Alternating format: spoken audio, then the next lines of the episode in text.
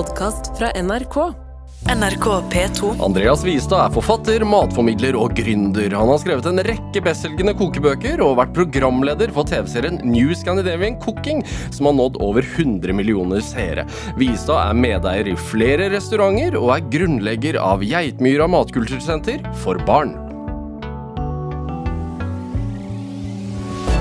Dette er Drivkraft med Vegard Larsen i NRK P2. Andreas Vistad, velkommen til Drivkraft. Takk skal du ha. Hvordan har du det? Jeg har det ganske bra. Hva har du spist til frokost? Ja, frokost Det er fristende å spørre deg om det. Ah, det, er, det er liksom et, eh, et evigvarende problem. Fordi eh, jeg ender opp med å spise kjedelig frokost. Fordi alle slags sånn interessante frokoster blir litt som middag. Eh, på en måte. Hva, hva, hva tenker du på? da? Nei, men ikke Altså, sånn, sånn, eh, sånn hotellfrokost med egg benedict eller den type ting. Ja. Det, det tar litt sånn livet av meg hvis jeg skal begynne med det. Så jeg har forsont meg til at det er kaffe og kjedelig brødmat. Men du bor jo på en gård midt i byen med høner og sånn. Du, du starter jo ikke dagen med å gå ut og finne nyverpa egg og Jo, jeg, altså, jeg spiser jo egg, eh, selvfølgelig, men, men liksom, jeg har ikke i utgangspunktet et sånn frokostfokus. og jeg syns at um, Du er, kont du er mer kontinental, kanskje? ja, ja, la, oss, la oss si det, det. Jeg tror kanskje det egentlig er en slags sånn i- i- iboende protestantisme som ligger et eller annet sted som man, jeg ikke liksom gjennom min hedonistiske livsførsel har klart å kvitte meg med på alle disse årene. Nei. At det er liksom den lille resten som er igjen. Så det er ikke den eh, vente med frokost til klokken ett øh, som en slags sånn fasting? Nei, den derre herreanoreksien, nei, den har jeg ikke kastet meg over ennå. Herreanoreksi, kaller du det? Altså, tenker du over det som det? Det er jo en rar ting det med mat at, eh, at uh, det er så sentralt i livene våre, og så er det så mange som har et eller annet problem rundt det, og det er noen ting som er vanskelig uh, rundt det, og at man da også liksom fordi at det er så knytta til kroppen vår um, og da er det jo mange former for sånn type benektelse, at man skal fornekte seg en glede for, uh, for å bygge seg videre. Uh, og, og da er det nok eh, Da har det jo vært veldig fokus på kvinners og jenters eh, vanskelige forhold til mat, men det er veldig mange menn som også har det, og det er et økt kroppsfokus osv. Og, og jeg ser nok mye av disse her eh, faste og lev som en steinaldermann og den type ting som uttrykk for noe av det samme. Men da er det veldig viktig at liksom mannen skal ikke vise svakhet i det. Det, det er alltid bygd opp som en sånn styrketing, at du blir mye mer Du, blir, du får fantastiske magemuskler og store, eh, store biceps og liksom De viktige tingene i livet? ja, men det, det er jo et sånn type språk Ja. som det, er, det er rart å se liksom sånn kulturmenn på 40 som allikevel på en måte omfavner et type språk som du forbinder med eh, actionfilmer for tolvåringer, liksom. Ja. Er det, du, du er på Geitmyra matkultursenter, eh, som er i Oslo, men også flere byer. Ja, vi holder til også i Ringsaker, Kristiansand og Tønsberg. Ja, og der, der får dere jo besøk av barn, barn, grupper med barn, eh, hvor dere lærer de om, eh, om mat, matglede, og det å lage mat. De får lov til å være med å lage mat. Merker du det på de unga? At, uh, hva slags syn foreldrene deres har på mat? Det kommer en del sånn rare påstander som, som er rundt liksom hva som er ja-mat og nei-mat. Hva, hva, hva, hva sier de da? Nei, nei, det er mer sånn Å ja, men jeg har hørt at man øh, Jeg har hørt at Og, og det er jo det er ofte da, da kan du skjønne litt da, Er det noen som på en måte kommer fra en viss type hjem som har hørt at ultraprosessert er veldig dårlig, eller er det noen som har innvandrerbakgrunn som er veldig på en måte Som kan ha litt eh, være litt redd for å spise mat utenfor hjemmet fordi de har hørt at det er mye, eh, mye, mye, mye farlig og uren mat der. Men det er også en slags sånn urenhetstanke som noen får med seg rundt eh, eh, stivelse eller eh, den type ting. Og i det hele tatt så tror jeg at noe av det vi ser, er jo at barn i dag ofte kommer fra hjem som har på en måte lav matmessig alfabetisme, hvis man kaller det. Hvordan merker dere det? Nei, at man skjønner at eh, det er eh, folk som kommer fra hjem hvor man kanskje aldri lager mat hjemme. Eh, eller hvor matgleden veldig mye er knytta til at foreldrene inviterer, men du kjenner til det der fenomenet sånn Å, eh, eh, Truls og Trine er så veldig opptatt av mat, og det er så hyggelig å være på middag hos dem. Men så, når man kommer på middag hos dem, da er ungene plassert trygt nede i kjellerstua med, eh, med ferdigpizza, mens, eh, mens da Truls viser fram at han har eh, gått på sausekurs og eh, kjøpt inn dyr vin.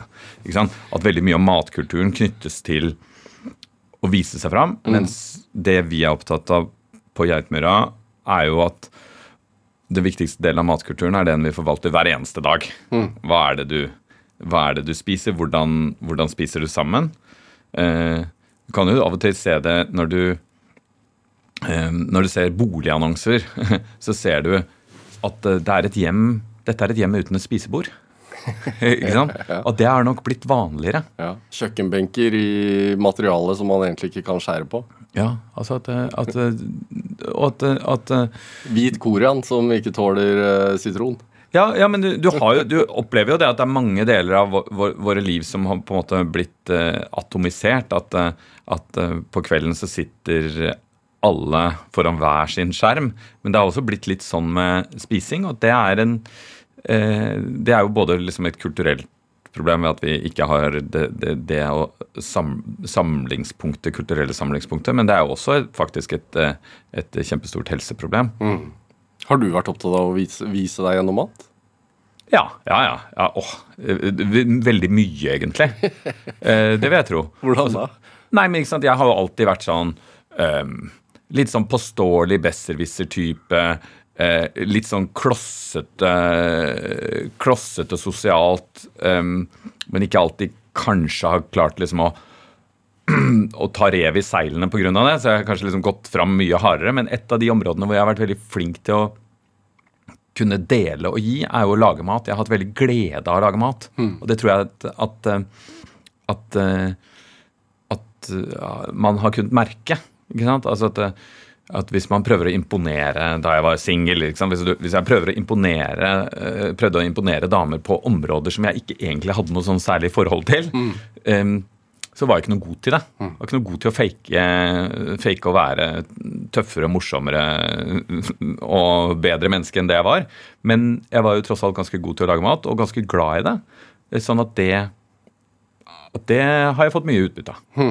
I, både i liksom i, Da det var utrolig viktig å liksom Hvor tidlig startet det? Altså at du kunne bruke mat Altså det å lage mat på kjøkkenet som eh, på å imponere damer? Sjekking, rett og slett? Nei, det begynte egentlig ganske tidlig. At jeg tror jeg skjønte at det var en currency. Jeg, og- øh, jeg og min venn eh, Lasse hadde eh, liksom Vi var enige om at, eh, at det var to jenter i klassen som var de søteste jentene i klassen. Men vi visste jo ikke hva Da gikk vi kanskje i fjerde klasse, og da visste vi ikke hva, hva gjør man med jenter, egentlig. Så da inviterte vi dem til å lage milkshake. Eller, altså, vi lagde milkshake. Ja. Og jeg var stolt av å kunne lage en god milkshake fra Mikke Mus kokebok. Med uforholdsmessig mye iskrem til melk. Ja, ble det følge? Nei, men jeg vet ikke hva jeg vil Jeg vet ikke hva, hva jeg ville ha gjort ut av det. Men det var en super, det var en super glede, liksom. Dette er Drivkraft med Vegard Larsen i NRK P2. Og i dag er eh, forfatter og restauranteier Andreas Vistad her hos meg i Drivkraft på NRK P2. Du vet at du akkurat har vært med i, som dommer i NM i honning? Mm, mm. Det heter det? Ja, NM i honning. Ja. Kjempe Ra rart? Eller er det ikke rart?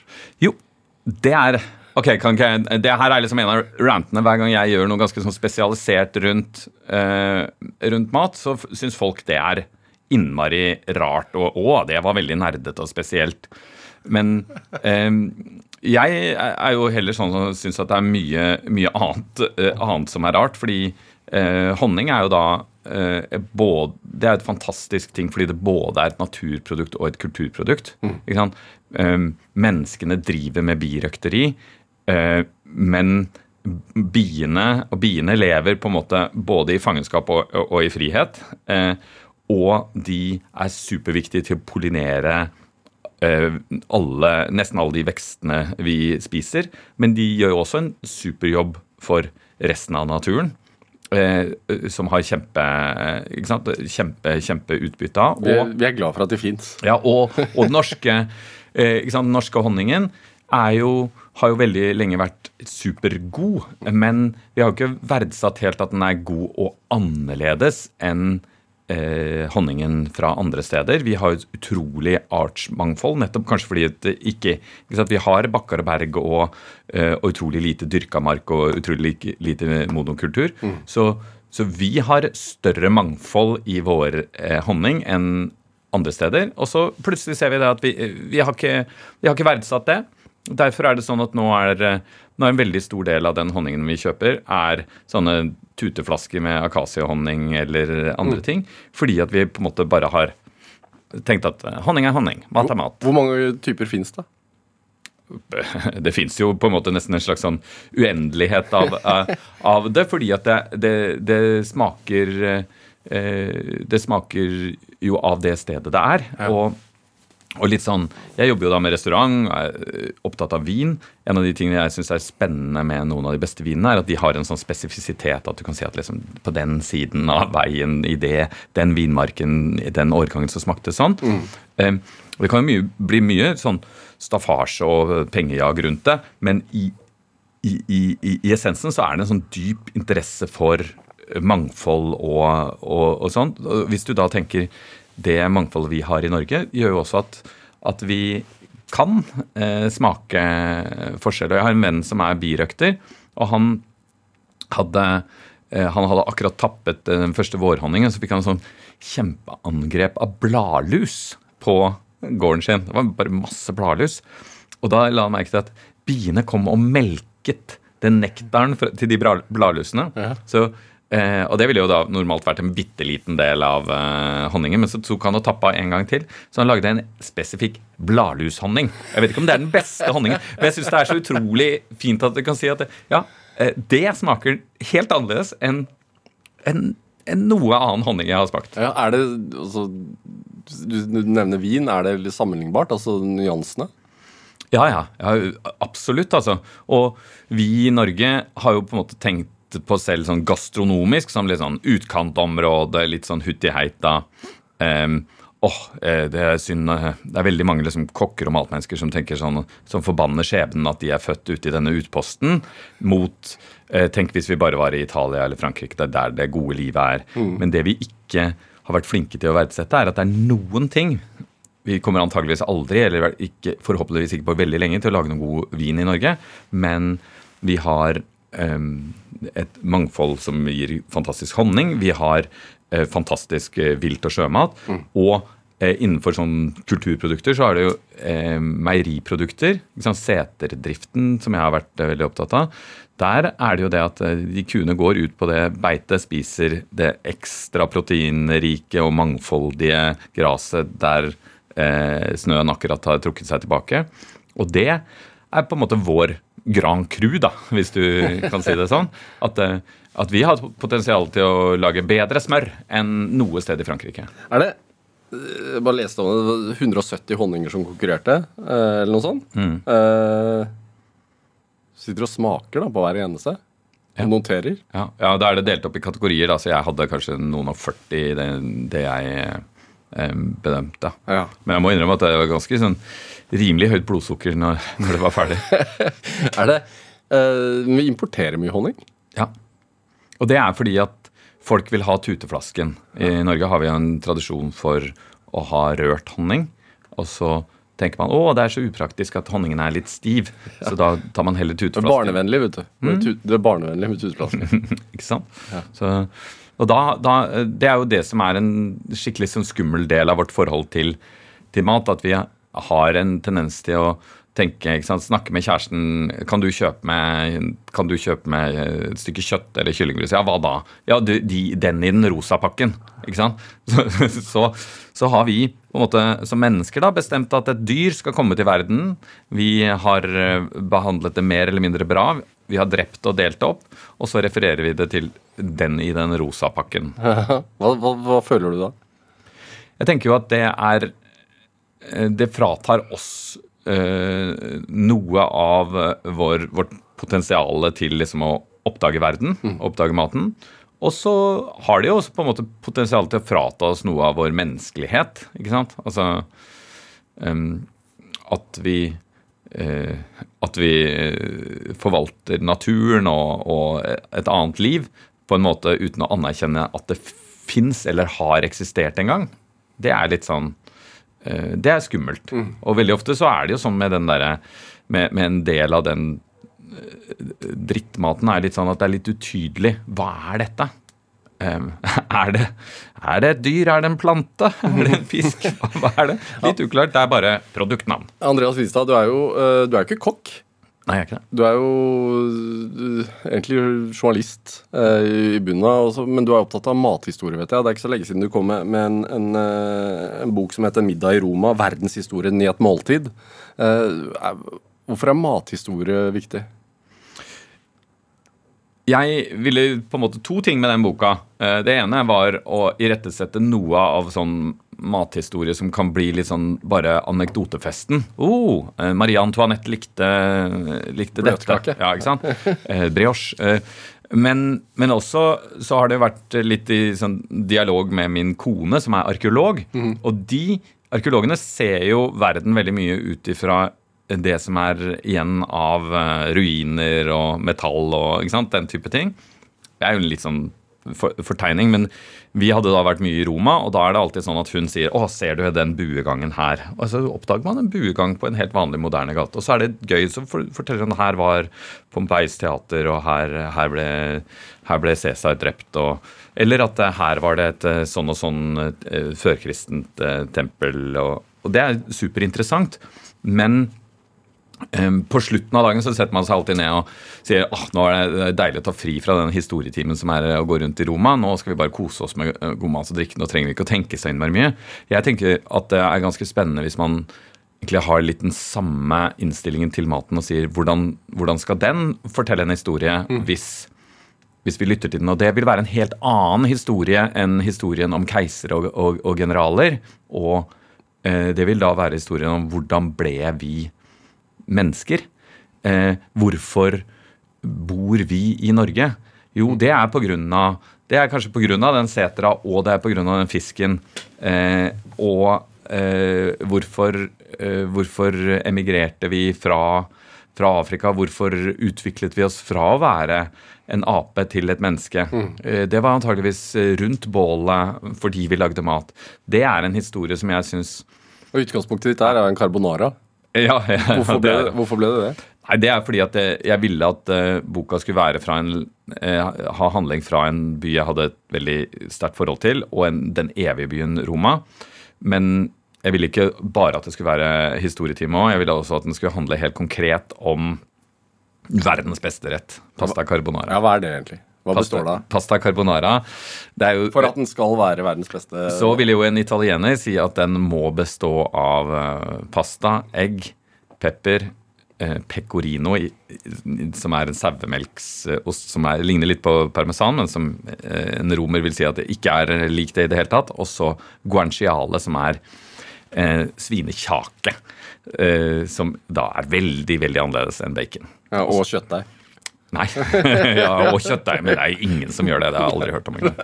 Og italienerne er sånn veldig strenge. ikke sant? De sier sånn at hvis noen lager carbonara med eh, hvitløk, eh, slå opp. Hvis eh, kjæresten din lager carbonara med fløte, slå opp. Hvis kjæresten din lager carbonara med pose eller boks, be om besøksforbud. Men det interessante der er jo også at, at uh, mathistorien, sånn som mye annen historie inneholder mange nyanser og er kanskje skrevet av eh, seiersherrene. Så det er også grunn til å tro at eh, opprinnelsen er litt mindre eh, ekte og autentisk, antageligvis. Så det er ikke noe tegn på selve carbonaraen før etter annen verdenskrig. Og muligens så var det en rett som ble på en måte introdusert litt da amerikanerne eh, okkuperte Roma og kom med rike rasjoner av bacon og fløte og, og egg i eh, et, eh, et samfunn som var hvor, hvor det ikke var overflod. Hva, Men hva sier italienerne om den? de blir rasende. Ja. men, men hvordan går du til verks når du begynner å grave deg ned i den, den historien? Altså, Hva, hva får deg til å tenke at dette er en god idé nå, dette skal jeg begynne med? Hva, så begynner du da med hveten, eller hva, hva tenker du? Jeg begynte vel først og fremst med at jeg hadde lyst til å skrive en, en historie om noe veldig stort i noe veldig lite. Ikke sant? Altså, selve rammene på den historien er bare at jeg går over Campo di Fiori, som er en plass i Roma, og så går jeg og setter meg, og så spiser jeg et måltid som er godt. Men det er ikke ekstraordinært. Det er ikke det beste måltidet som fins, liksom. Men det er sånn Det er som tusen andre måltider i Roma. Og at jeg i det ville ha lyst til å fortelle ikke hele verdenshistorie, men én verdenshistorie på en måte fra eh, både om hvordan Roma ble til, eh, den byen jeg sitter i. Jo, det er veldig mye på grunn av Helt opprinnelig pga. at den lå ved Via Salaria, som er saltruten. Eh, den ble bygd opp, og Ro- Romerriket ble veldig mye bygd opp pga. dens forhold til hvete. Og så kan du si også hvordan ble på en måte hele vår vestlige eh, sivilisasjon bygd opp. Og, og så går den tilbake til det store 'hvordan ble vi menneske'? Og det var rundt leirvollet. Hmm. Så Om eh, et par hundre år, da? Hvis de skal skrive den samme boken om den maten vi spiser i dag, hva vil de skrive da, tror du? Det er, det, det, er det, vi, det er jo det vi bestemmer nå. Ja. Eh, ikke sant? Altså, det er jo den der, det fins jo den derre Det var en gang en menneskeaktige eh, eh, bilde av fra, liksom, fra ape, ape til oppreist menneske, og så til, liksom, eh, til en sånn sammensunken klump foran eh, fjernsynet eller skjermen. Jeg tror at vi har ikke tatt inn over oss den kjempeutfordringen som er med vår relasjon til maten, som ikke handler om om vi spiser riktig, om vi er for eller mot eh, eh, stivelse, eller om ikke sant? Som ikke handler om den instrumentelle em, Du burde spise så og så mange kalorier eller så og så mye vitaminer, men som handler om det der med Er vi fortsatt i stand til å kontrollere en så viktig del av vårt eget liv. Og den eneste måten vi menneskene har funnet enda til å kontrollere vårt forhold til maten, er å vite hvor den kommer fra, i noen tilfeller være med på å dyrke, være med på å høste, og å tilberede maten. Og så er den beste måten å kontrollere spisingen, er å spise sammen. For da har vi et fellesskap som på en måte forvalter vår relasjon til maten. Og det er jo, det er jo så mye av det derre burde ikke, pass på det, burde ikke det, som handler om all man ikke burde gjøre. Det som er utrolig kult med å jobbe med mat, er at det beste svaret rundt hva burde jeg gjøre, hva er sunt for meg, hva er godt for meg, hva er godt for de rundt meg, det er det som gir mest glede. At den gleden som er i god matkultur, den fins i alle kulturer, til alle tider, i alle, eh, i alle økonomiske omstendigheter, bortsett fra de omstendighetene som innebærer stor grad av nød eller krig eller den type ting. Så vi mister oss selv litt. Vi mister jo en utrolig viktig del av relasjonen. Det vet vi jo at vi mennesker trenger jo ikke lenger eh, vi trenger jo ikke lenger å møte hverandre for å reproduseres, men eh, vi tror allikevel grunnleggende på at eh, nære relasjoner er, er viktig og fordelaktig. Eh, ikke sant? Og, og, og, og vi, kan, vi kan jo tenke på Man kan tenke på mat og matglede uten å tenke på ernæring. Man kan tenke på, eh, man kan tenke på kjærlighet og reproduksjon uten å tenke på sex, men, men det, er en, det er fortsatt en sammenheng, og den sammenhengen er fortsatt veldig viktig. Er det, hvordan spiser dere hjemme hos deg, da? Ja, jeg har barn som er helt eh, fantastisk opptatt av mat. Utrolig dårlig oppdratt, eh, så det er liksom kaotisk, men engasjert eh, måltidsstruktur. Ja. Og Hver dag? ja, ja, så i utgangspunktet hver dag. Ja. Altså, og så er det jo alltid mange, av, eh, mange omstendigheter som kommer eh, gjennom, men i utgangspunktet så spiser vi middag hver dag. ja. Og det er jo Det er litt smart å lære ungene å lage mat, da, så slipper man sjøl. Ja, ja det, er smart, det er i hvert fall smart å lære ungene å lage mat. Og så, og så er det jo utrolig, utrolig glede at det kan være en glede å lage mat. Altså jeg tror For veldig mange så oppfatter man jo at matlagingen er en tidstyv. Og at man ikke klarer å, å, å, å se sammenhengen kanskje mellom det er så hyggelig å lage mat når eh, når Vegard og eh, kjæresten kommer på middag på lørdag, da er det hyggelig, men på tirsdag så er det bare stress. Eh, Det er sånn vi tenker, det er jo mange sånn vi av oss. ofte tenker, men, men det, er, det er jo noe av det vi har jobba mye med på Geitmyra også. med å Vi jobber jo mest med, med barn som kommer til oss og lærer sjøl. Der ser vi at de utfordrer foreldrene sine når de kommer igjen. Må det være sånn? Kan vi ikke gjøre sånn? Eh, men også det med at vi har noen kurs eh, i tidlig matglede, som er egentlig eh, folk i pappa- og mammaperm som kommer med små babyer, hvor, de, eh, eh, hvor, vi på en måte, hvor det viktigste budskapet er 'lag mat sammen'. For det er jo ikke sånn at du får særlig mye hjelp av en ni måneder gammel baby. Eh, men det å gjøre ting sammen, det har jo en verdi. Det å dele et måltid har en verdi. Når barna sitter bare med en sånn sprutflaske, eh, og så legger man dem, eh, og, så, og så spiser man, da mister man noe, et potensielt utrolig viktig ting i relasjonen til sine barn. I, hvis man tenker på ditt liv, var det liksom gitt at du skulle holde på med dette her? Nei, det vil jeg ikke tro. Eh, men eh, Men jeg tror nok kanskje at en av de tingene som Hvis jeg skulle liksom fantasert om hva jeg skulle gjøre da jeg var ti, så hadde jeg ikke noe sånn veldig sånn yrkes... Jeg hadde ikke noen sånn brannmann eller eh, advokat eller eh, sånn forestilling. Men jeg hadde litt det derre Jeg var veldig eh, nysgjerrig. Og, ehm, og jeg visste ikke om det fantes en jobb for noen sånne som, som meg. Eh, faren min jobba på universitetet. Filosof? Eh, eh, ja, underviste til forberedende. Og, og, og jeg skjønte aldri eh, hva, hva jobben hans var, men jeg skjønte at han, han gjorde ting som på en måte På meg virket som han bare fulgte det han var interessert i. Og, og en sånn type Jeg tenkte liksom, er det ikke, Fins det ikke en sånn type jobb? Da tror jeg liksom hans jobb også fikk liksom strammet eh, tommeskruen litt eh, etter hvert. At eh, universitetet ble mer sånn produksjonsfabrikk. Men sånn sett så tror jeg at det, det jeg gjør nå, ligner egentlig veldig på hvordan jeg forestilte meg at det var eh, da jeg var ti. Ja. Eh, bortsett fra at det ikke nødvendigvis liksom, temaet var maten, men det der med å, å jobbe med mange forskjellige ting som jeg syns er interessant. Det er bra. Andreas Wistad skal spille litt musikk. Du, du har sendt oss to låter. To ganske forskjellige låter. Eh, det ene- er en blueslåt av Robert Johnson, eh, 'Come On In My Kitchen'. Og det andre er en Harry Styles-låt eh, som heter 'Watermelon Sugar'.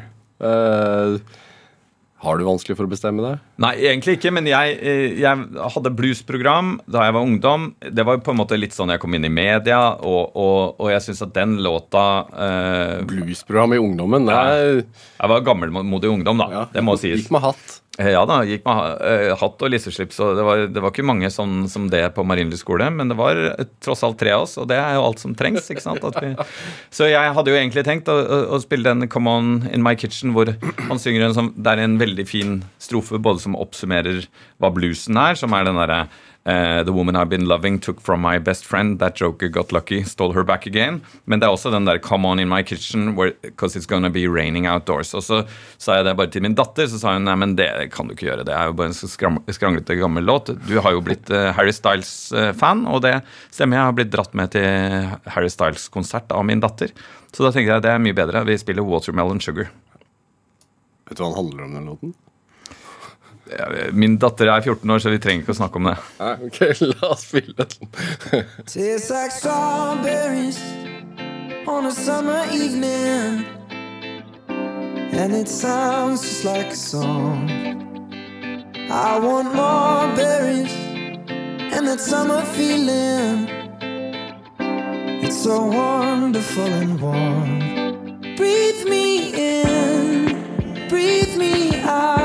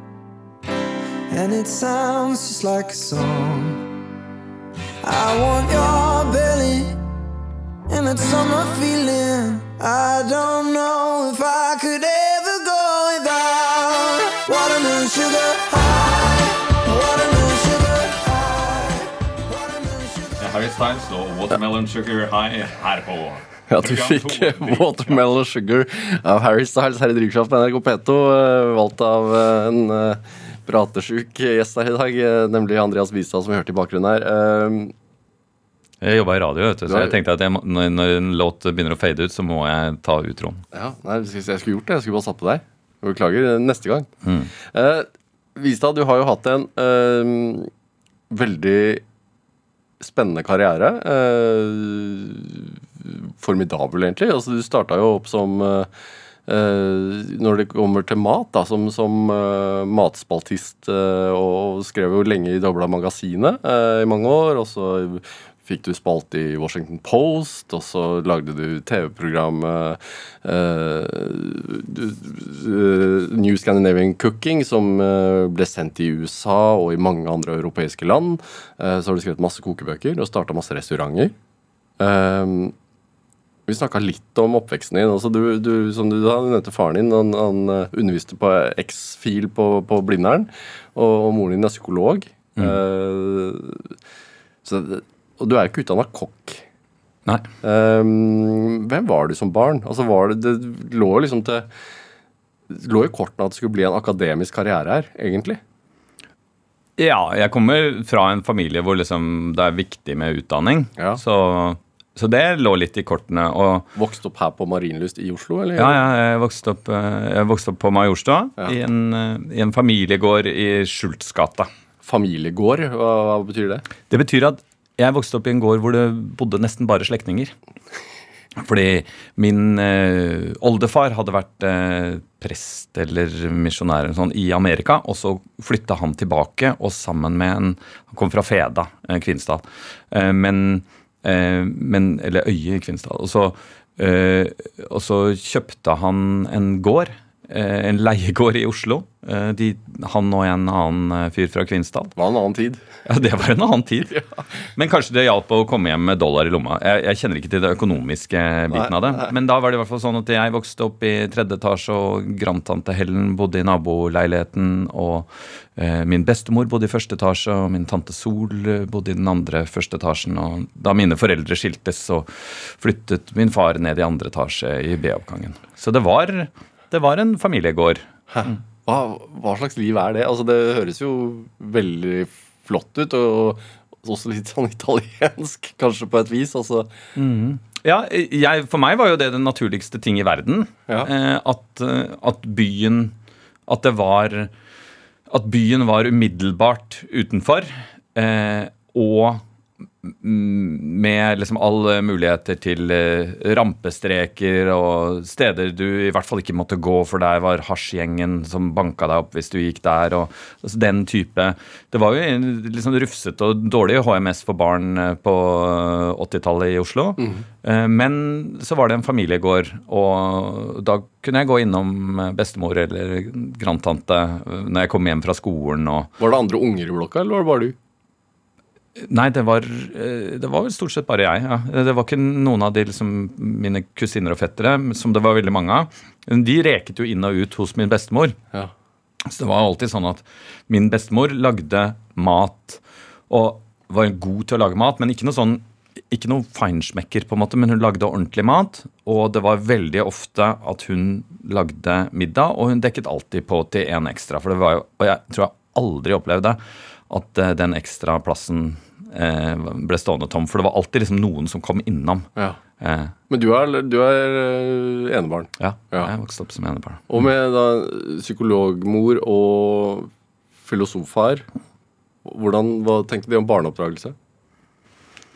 Jeg vet ikke, jeg tror de prøvde å gjøre sitt beste. Jeg, tror at, at noen av de tankene og planene rundt eh, barneoppdragelse, de, de er ikke så programmatiske at det, at det funker liksom å, å, å ha en eh, Og da var det sånn ganske periodevis ganske vanskelig i forhold til min far.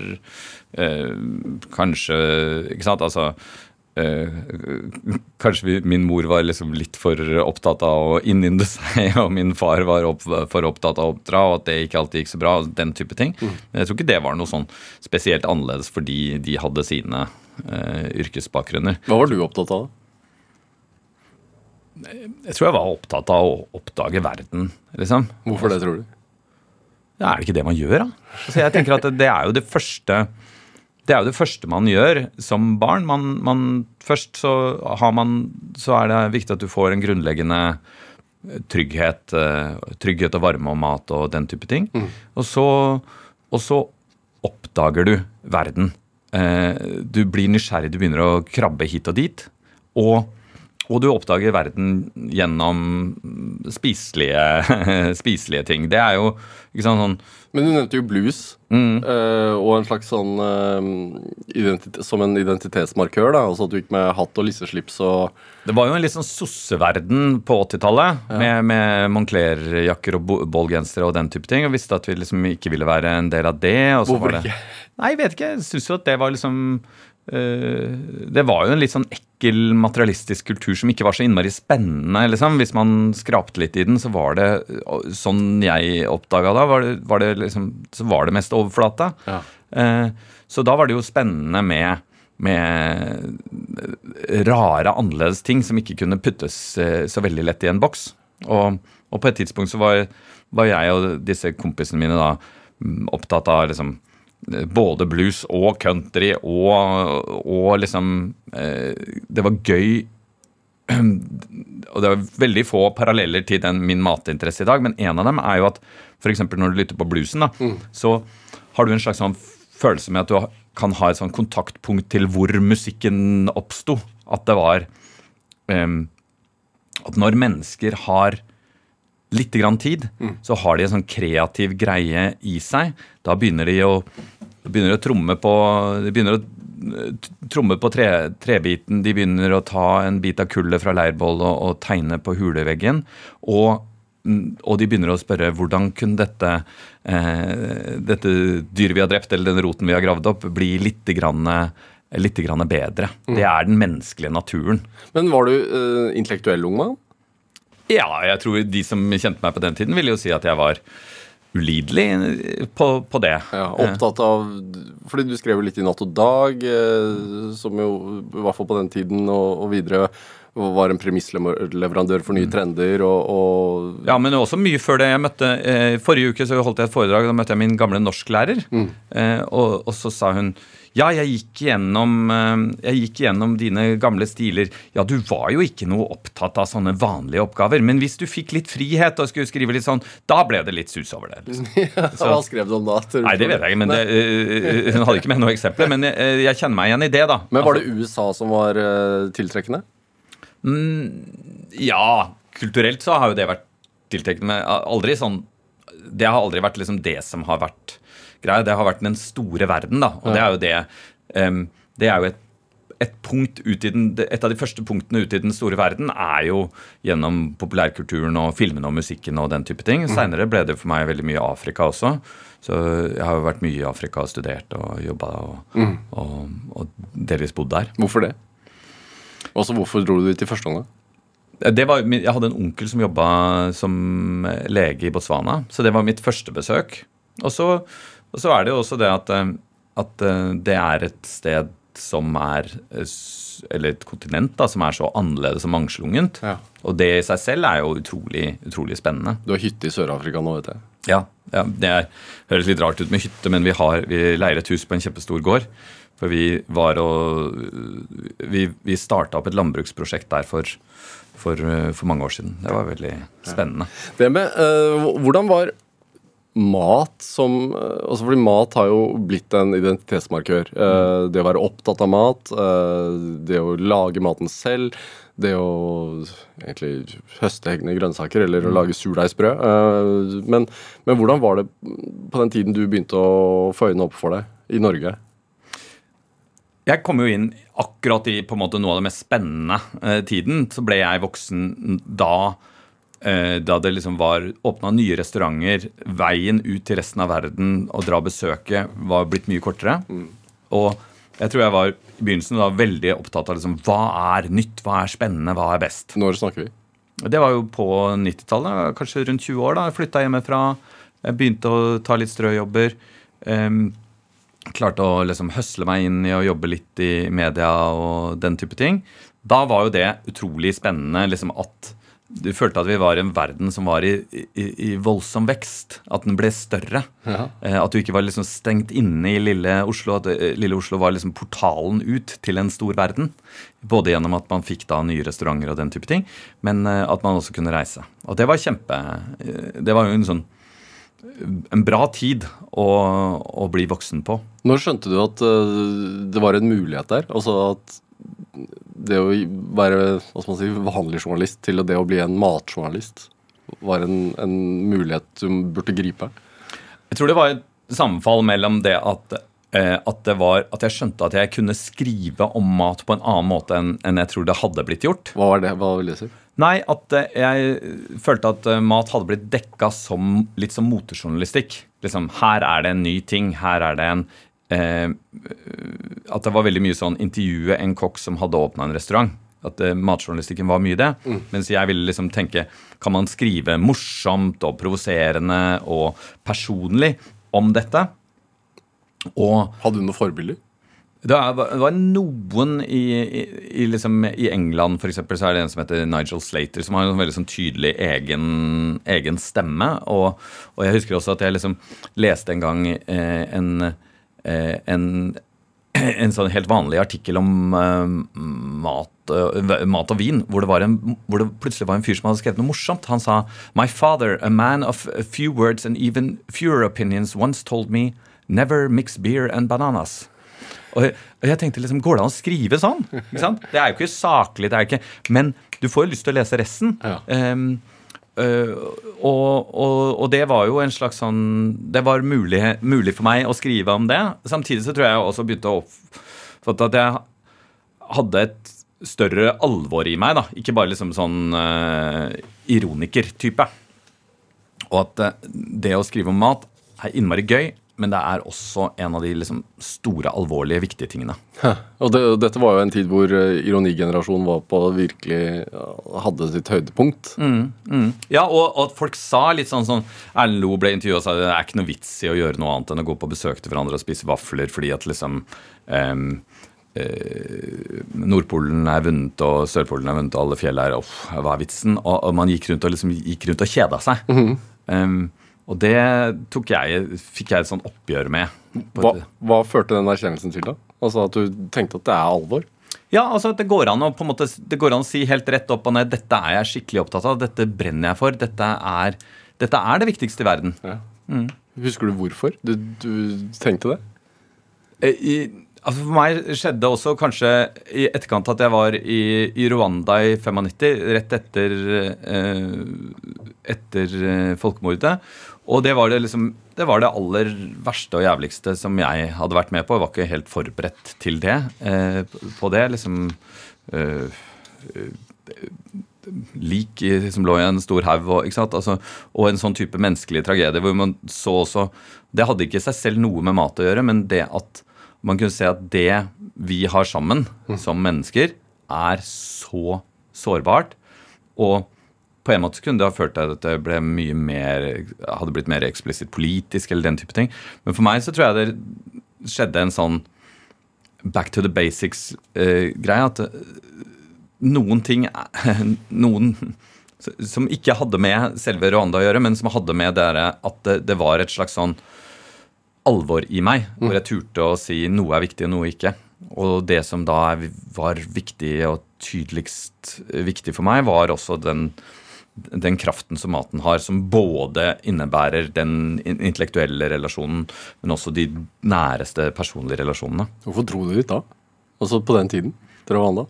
Nei, jeg, jeg jobba som journalist, og litt, jeg begynte å, det var jo en av de første jobbene jeg gjorde som journalist. Jeg hadde interesse av Afrika og øh, historie. Og, og jeg tror kanskje jeg tenkte at jeg la, la ut på et eventyr, og så ble det noe annet. Det ble et eventyr, da.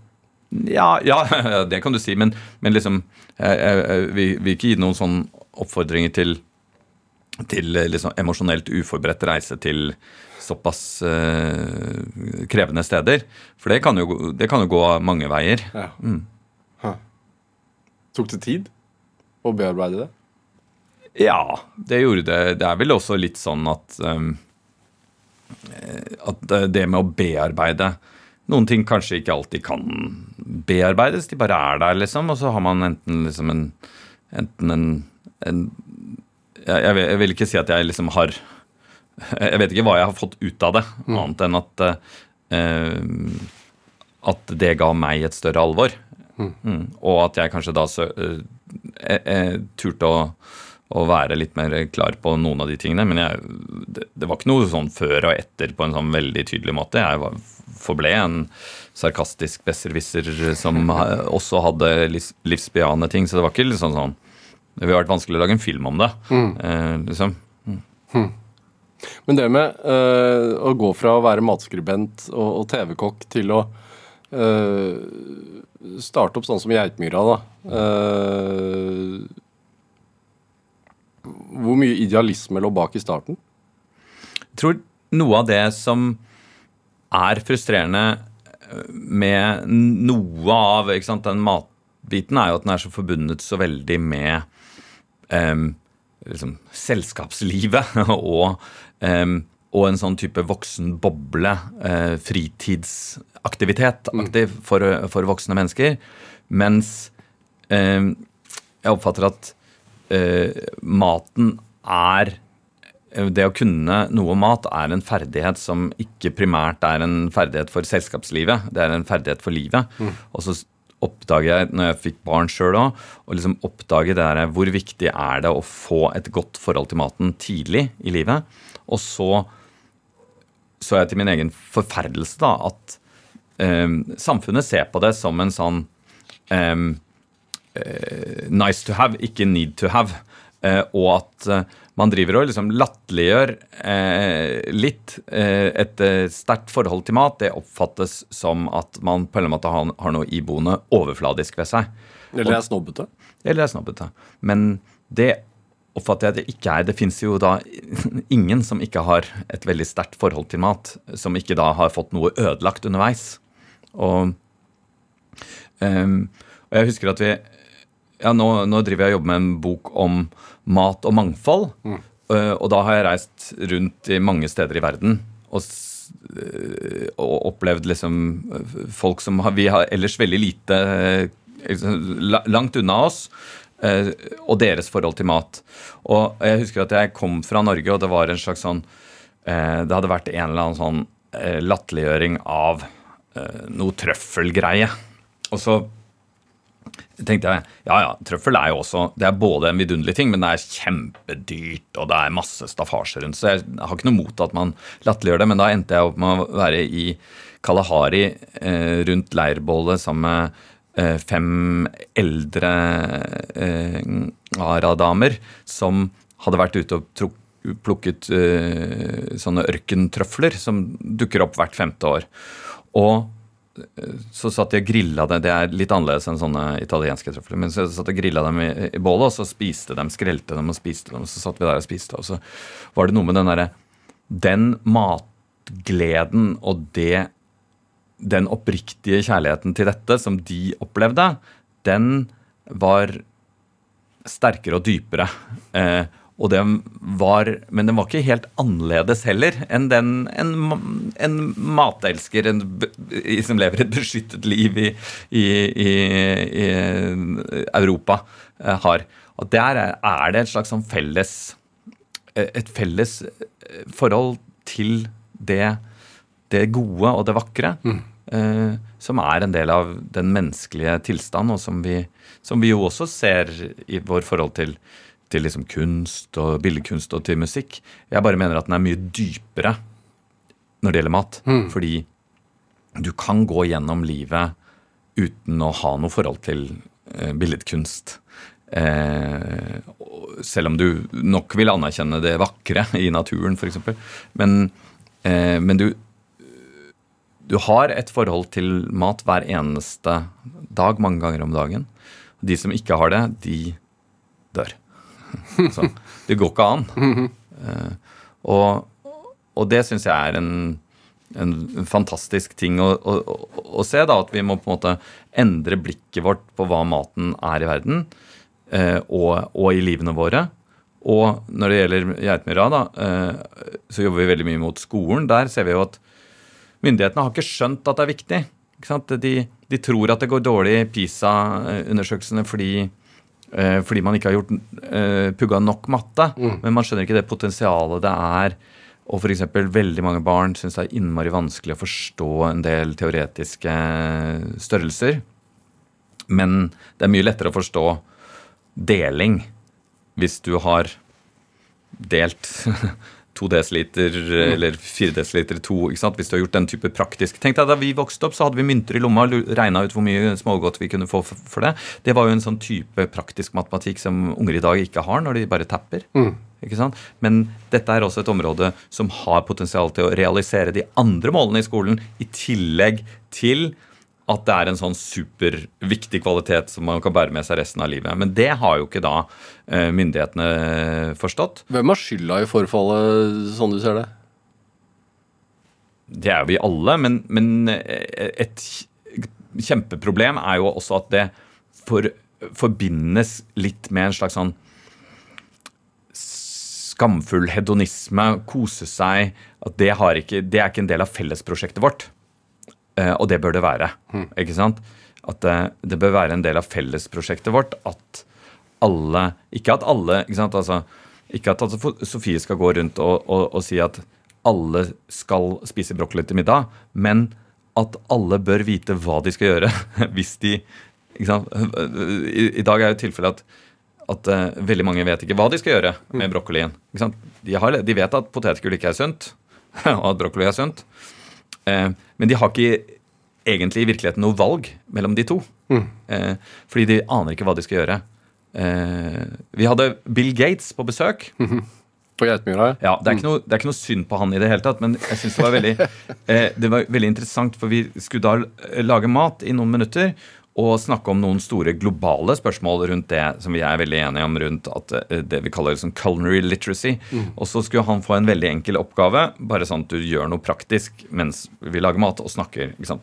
På som en TV-produksjon. vi. Lager mat og snakker om.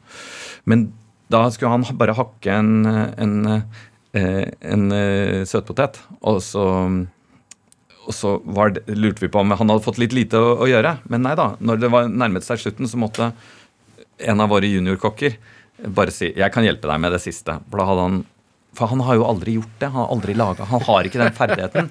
Og for han er det ikke noe problem. For han kan jo ha kokker, han er, han er supersmart og har Men eh, for, tenk deg for alle de andre som ikke klarer det.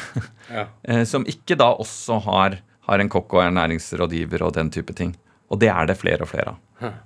Eh, Du, du er jo med der i masse restauranter også, Andreas. Det, eh, på, på eh, menyen til den ene restauranten, Vinland, så står det eh, 'Da jeg smakte den, gråt jeg' på menyen. Eh, Når gråt du sist?